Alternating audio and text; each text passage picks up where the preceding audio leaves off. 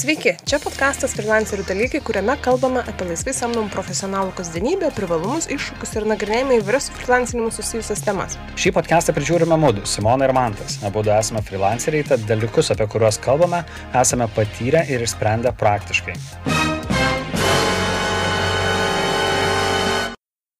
Šiandien mes kalbam apie tai, ką veikia freelanceriai, kai neveikia nieko, kai štilis yra, kai baigėsi darbai ir būna tokie periodai, kai tiesiog, nu, nėra per didelio profesinio apkrovimo.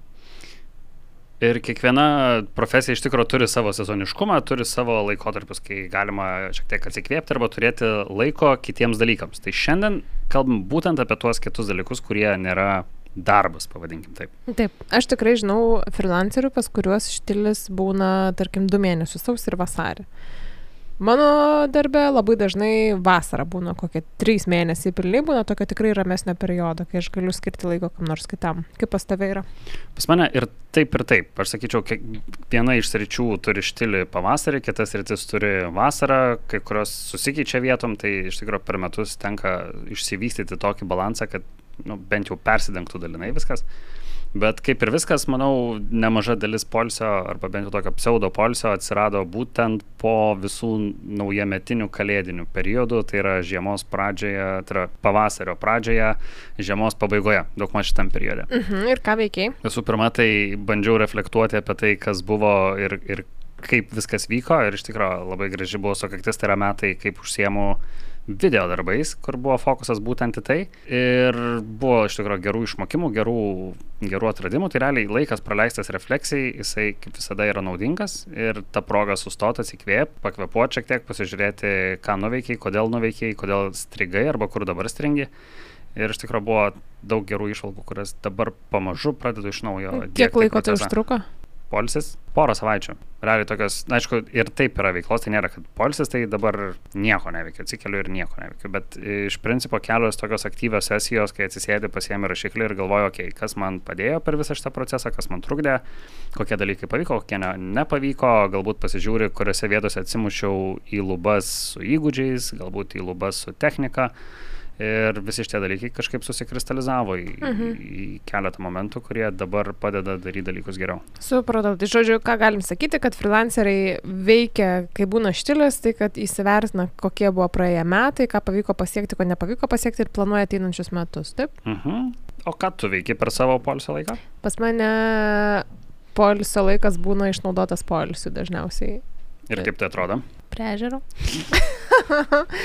Taip, aš nemeluosiu, aš tada labai stipriai atsipalaiduoju ir galiu pradėti svajoti, ką norėčiau pasiekti tie metam, bet tai nebūna taip intensyvu kaip pas tave, kai tu sakai, nedėliojasi rašais iš tus dalykus. Aš užsijimu tokiu intensyviu poilsiu, vykstu prie ežero, stengiuosi būti kuo daugiau gamtoje, į mišką keliauju, sėdu ant motociklo ir važiuoju. Tiesiog man norisi labai stipriai ir kardinaliai pakeisti aplinką ir tokio mhm. kit, kitokio įkvėpimo gauti nes va tas aplinkos pakeitimas ir kardinalus tempo pakeitimas man labiausiai padeda pailsėti. O veiklų, pavyzdžiui, pakeitimas tau net neša polsio? Um, atneša tam tikrą prasme. Uh, aš pastebėjau, kad jeigu aš būnu pervargus ir šoku į kardinaliai kitą veiklą, kuri taip pat yra intensyvi, aš, nebūnu, aš nepailsiu, tik tai tam tikrą prasme pailsiu. Tai man už tai visai reikalinga pakeisti ir tempą ir negaliu sakyti, kad nieko neveikti, nes, nu, nebūna taip, kad vis tiek nieko neveikia. Tai kažkoks planavimas, ryšių mesgymas, jisai visą laiką vyksta. Ir netgi iš tikrųjų yra buvę momentų, kai tas um, toksai ramesnis periodas vasarą, jisai netyčia pavirto į visiškai naują projektą irgi. Bet uh, vis tiek kažkaip, kažkaip gal daugiau sakyčiau, kad aš tengiuosi ilsėtis. Nes pažįstu žmonių, kurie, tarkim, jeigu jų yra ramesnis periodas sausį vasarį, tai jie sausį vasarį tuomet skiria kažkokiai kitai veiklai, kuri nėra susijusi tiesiogiai su jų freelancimo veikla, va ką tu ir sakai, ir ne labai stipriai pakeisti e, profilį, nerti į kažkokias kitas veiklas. Tai aš tokių žmonių pažįstu. Man yra tas klausimas, ar mane pačią tenkintų e, toks pasirinkimas, nes tai vis tiek yra tuomet trumpalaikiai darbai, toks mhm. trumpalaikis projektas. O kada tu sužinai, kad jau pailsėjai? Ar tai yra kažkoks atsiranda viduje kirbėjimas, kad o, jau nusibodo nieko neveikti, ar tai yra kažkoks kitas rodiklis, kai tu nusprendė, kad palsėjau. Gal tiesiog kalendorijoje baigėsi laikas ir prasideda mhm. deadline. Tiesą sakant, dažniausiai tai taip ir būna, tiesiog prasideda darbai ir aš žinau, kad mano poilsio laikas e, šiuo kartu baigėsi. Paprastai aš jo poilsio laiko vasarą turiu daugiau negu man reikia, tai čia faktas yra. Uh, tai tiesiog atsi, atsiveria kiti kūrybiniai tokie klodai. Uh, norisi galbūt namus pakeisti ar ka, kažkaip va, taip pat būti, tiesiog pasitvarkyti. Mm, bet jo, tas poilsio periodas pasibaigia tada, kai tiesiog prasideda darbai. Atsiranda nauji, naujo sezono kažkokios užduotis. Tai jeigu, tarkim, rugsėjai jau yra darbų, tai vadinasi, rūpjūtis jau yra prikleidžiamas ruošiantis jiems. Tu čia užsiminėjai apie tokį dalyką kaip kūryba šiek tiek, aišku, tą pasakė apie namus, bet žinau, kad tikrai nemaža dalis freelancerių, aš irgi lygiai taip pat kartais išnaudoju poilsio laiką kūrybiniam laikui. Tai yra, kuriant naujus produktus arba eksperimentuojant su dalykais, kurių na, neteko išsibandyti tam intensyviam darbiniam, sakykime, komerciniam laikė. Esi su tuo susidūrusi? Taip, esu su tuo susidūrusi. Ar jauti skirtumą, kuriant dalykus, kai esi polsio, pavadinkim, režime, ar kai tiesiog per prievartą saliginai reikia sukurti darbiniam režime? Mm, didžiulis yra skirtumas.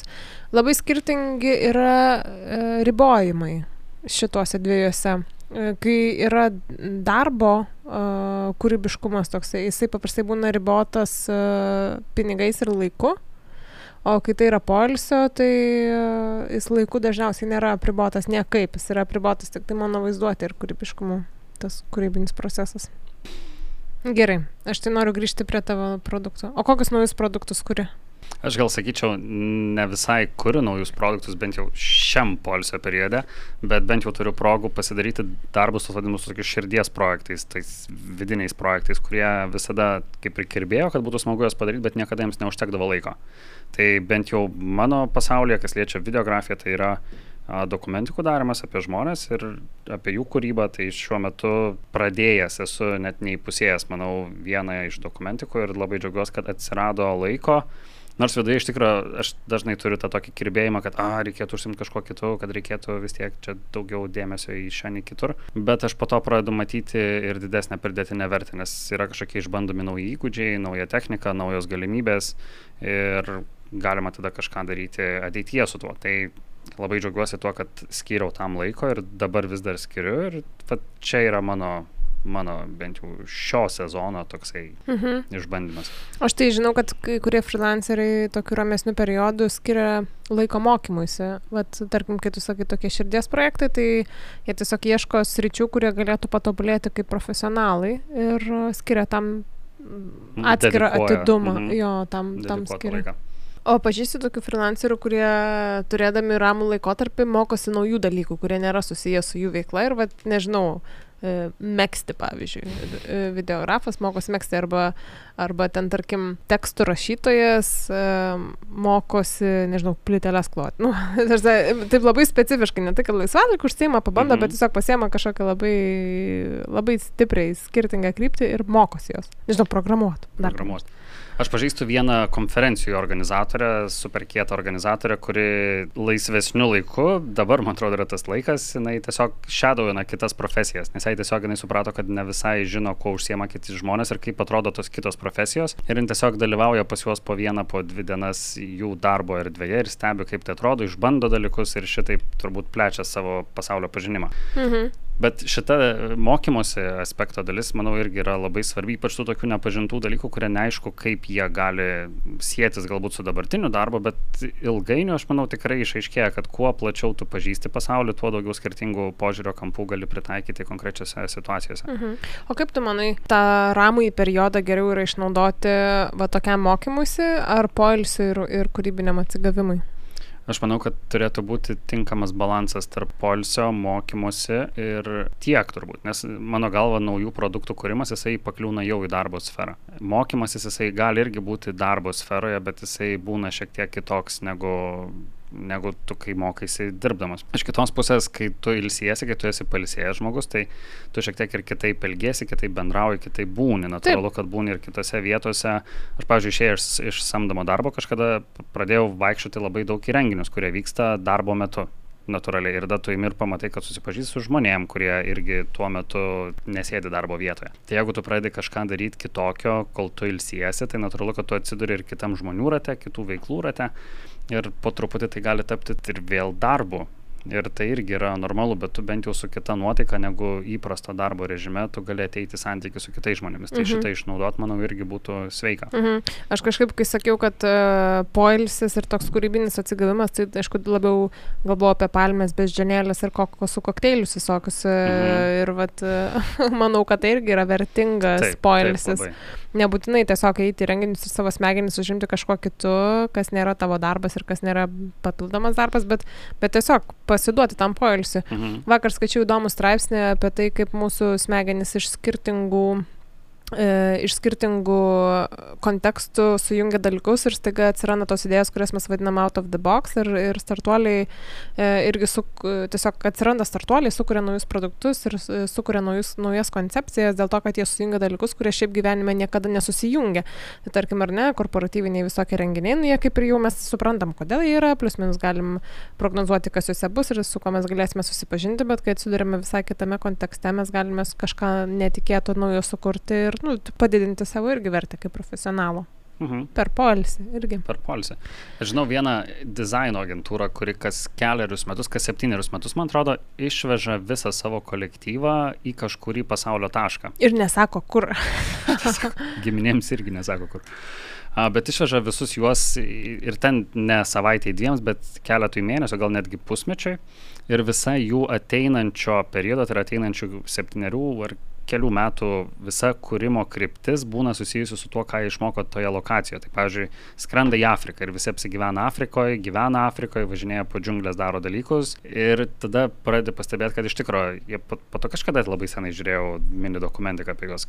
Ir tiesiog sako, po to mes, kai žiūrim atgal į praeitą periodą, į produktus, kuriuos sukūrėm, tada pradedam matyti tuos tokius desningumus ir tuos akcentus iš to būtent regiono. Tai, Atsispindi kažkas, ar ne? Jo, ir jie važiuoja ne su, ten, ne su užrašinėm ir ne tiesiog, kad dabar konkrečiai čia mokysimės, čia studijuosime raštus ir, ir, ir akcentus, bet jie tiesiog būna, jie pasineria į tą aplinką, jie gali nieko neveikti, bet galiausiai jie įsigyvendina. Tai ta nauja erdvė įsigyvendina juose ir jie su tais naujais motyvais pradeda daryti dalykus. Tai šitas mhm. yra labai verta, aš manau, ir labai svarbu yra tinkamai ilsėtis, nes nu, mes netgi mokymuose turim tą irgi savoką, kad įkvėpimais tu gali daryti dalykus. Ir tu, jeigu visą laiką tik įkvėpi, niekada neiškvėpi, tai tu galiausiai pasidarai toks pilnas, kad tau nieko nebeišeina daryti. Mhm.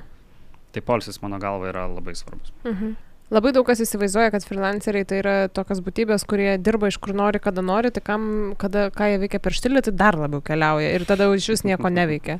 Iš tikrųjų, aš kai geriau pagalvoju, tai nesu tikra, ar pažįstu tokių freelancerių, kurie savo laisvų metu visgi keliautų, kai geriau taip pamastau. Aš pažįstu tokius, kurie išvažiuoja galbūt dirbti kitą erdvę. Nu, taip, pavyzdžiui, taip, taip. tokie ten vestuvių fotografai, videografai taip. ir panašiai, prifotkina, prifilmuoja visą vasarą, tada išvažiuoja kažkur, bet jie ten dirba lygiai. Jie ten pat. dirba, taip. Vat, tai teisingai, tai va šito, pavyzdžiui, nepaminėjom dalyko, ar ne, kad yra tokių specialybių. E, pavyzdžiui, fotografai, kurie specializuojasi vestuvėse, vestuvės labai retai būna žiemą ir jie tuomet žiemą važiuoja dirbti ir tą štilį išnaudoja darbui, bet kitokio pobūdžio, ne ant kojų ir ten visai gulinėti aplink jaunuosius, bet uh, dirbti kompiuteriu ir atiduoti visiems rezultatus, kuriem dar nesi atidavęs, ar ne? Mhm. Pabaiginėja darbus kažkokius. Šiaip super, iš tikrųjų, aš vien dėl to galėčiau norėti būti fotografė. Bet brangi mhm. fotografė, nes, nu, nenori be pinigų varyti ten į Bahamus. Bahamus. Pagulėti tiesiog. Tiesiog, taip. Cool. Gerai, Tai iš tikrųjų freelanceriai, ką nori, tą ir veikia savo laisvų metų nuo darbo, ar ne? Vieni tiesiog užsima savo širdies e, ir aistros projektais, kurių galbūt nespėja per savo darbus padaryti, kiti gal ilsisi, keliauja, skaito knygas, mėgaujasi poilsiu ir miega iki vidurdienio, kiti galbūt kuria naujus produktus, kuriuos galėtų pasiūlyti ateities klientam. Dar galbūt e, kiti mokosi ir tobulina save kaip profesionalus konkrečioje srityje, arba gal mokosi visiškai naujų dalykų, kurie nėra susijęs su jų darbu, bet visada norėjo išmokti arba staiga užsimanė išmokti.